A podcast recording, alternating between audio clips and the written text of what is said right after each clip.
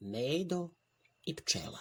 Bila je kasna jesen i padale su kiše, a Medo se pripremao za svoj zimski san. Nije mu baš bilo drago što je sam čekao svoj zimski san. Toga je dana kiša jako padala i sve plivalo.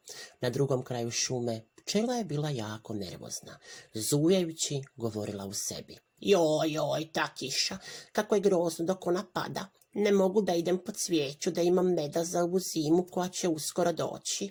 Kad je pčela to rekla, stala je kiša. Tad je pčela shvatila da je kiša prestala i od sreće skoči pa počne da se vrti u krug. Kad je ugledala sunce da sja, izleti iz svog gnjezda pa reče Sunce, sunce, najljepše si na svijetu, a ja mogu skupljati sve što mi treba da bih imala meda. I tako je pčela samo išla od cvijeta do cvijeta i glasno pjevušila u sebi. Imati ću meda, imati ću meda, a medo se razvlačio u svom brlogu. Vidi medo sunce da sja, usredi se medo pa reče. Tako je lijep dan, morao bi da idem po drva, pa zima što dolazi neće biti hladna. I pouče Medo u šumu. Nije Medo dugo šumom lutao i naišao je na drva. Kad Medo ugleda drva, odmah se obradovao pa reče. Au, au, kako sam brzo pronašao drva. Kad je Medo počeo da skuplja drva, pčela ljutito će Medi. Ostavi Medo ta drva, sve cvijeće ćeš mi uništiti, pa ne bude mogla da ima meda za zimu. Medo pogleda pčelu pa joj odgovori. Pčelice, što si tako nervozna? Pa cvijeća imaš u cijeloj šumi. Ne, nije tako medo. Već tri dana tražim cvijeće i ovo je jedino mjesto gdje ga baš dosta ima. Dobro kad ti tako kažeš pčelice. A ti medo, nije valjda da drva baš nigdje nema. Zar ne vidiš kolika je šuma? Medo će pčeli. Nije da nema drva pčelice, ali meni se ne da po šumi hodati puno. Opasno je to. E da medo, to si u pravu. Zato ja imam jednu ideju, pčelice draga. Dobro, dobro, Medo. A koja je to tvoja ideja da čujem? Pa mogu da ti pomognem oko cvijeća, da bi kasnije mogao skupiti drva, što će mi za zimu dobro doći. U redu je taj tvoj prijedlog, Medo, zato slobodno počni da bereš cvijeće, pa kasnije skupi drva što ti za zimu trebaju. I Medo počne da bere cvijeće za pčelicu. Kad je Medo pobrao cvijeće, pčela će Medi. Medo, gdje ti spavaš ove zime? Pa u svom brlogu spavam, pčelice draga.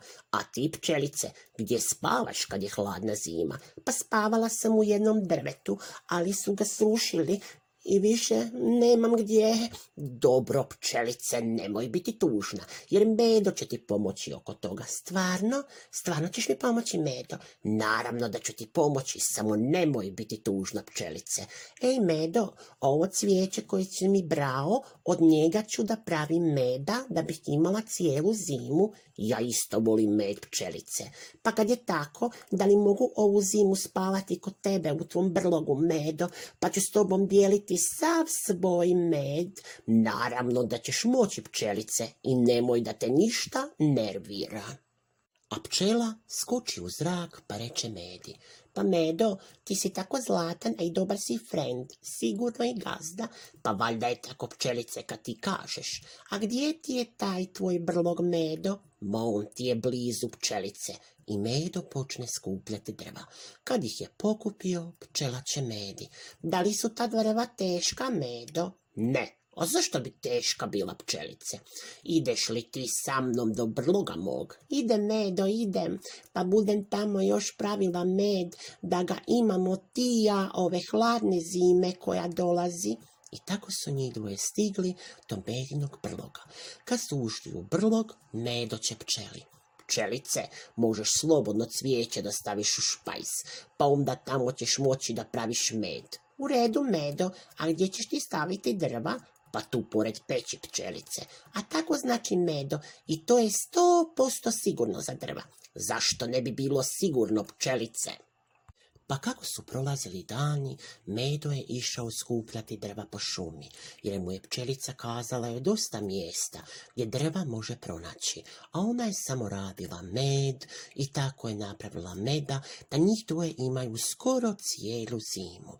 Kad su stigli hladni dani, Medo je već sva drva pripremio, a pčelica i svoj med. I Medo naloži prvu vatru. Kad je se brlog ugrijao, pčela će medi. Medo, što je pčelice? Puno ti hvala što si me primio kod sebe, jer u tvom brlogu stvarno je toplo, a tako i lijepo. Drago mi je pčelice što se tako osjećaš u mom brlogu. Zato je sada vrijeme da ja i ti probamo s moju prvu teglu meda. Evo, idem da ju donesem. I kad je pčela donijela med, stavila ga je u dvije čaše, pa su tako njih dvoje zajedno uživali u medu. Kad su pojeli taj med, počeli su da zjevaju oboje. I Medo reče, pčelice, med je tako čaroban, a moram ti reći da mi se počelo pomalo ispavati od meda. I meni medo isto se spava. Zato idemo pčelice u moj krevet. Vatru sam dobro naložio. A ti daj još jednu teglicu meda donesi, da uživamo u medu, jer je stvarno odličan. Dobro, Medo, odmah ću i budem donijela dvije teglice meda. Medo je krevet pripremio za spavanje, a pčela je donijela dvije tegle meda. Zavukli su se njih dvoje u medin krevet, pa kako su polako jeli med, tako su i zaspali.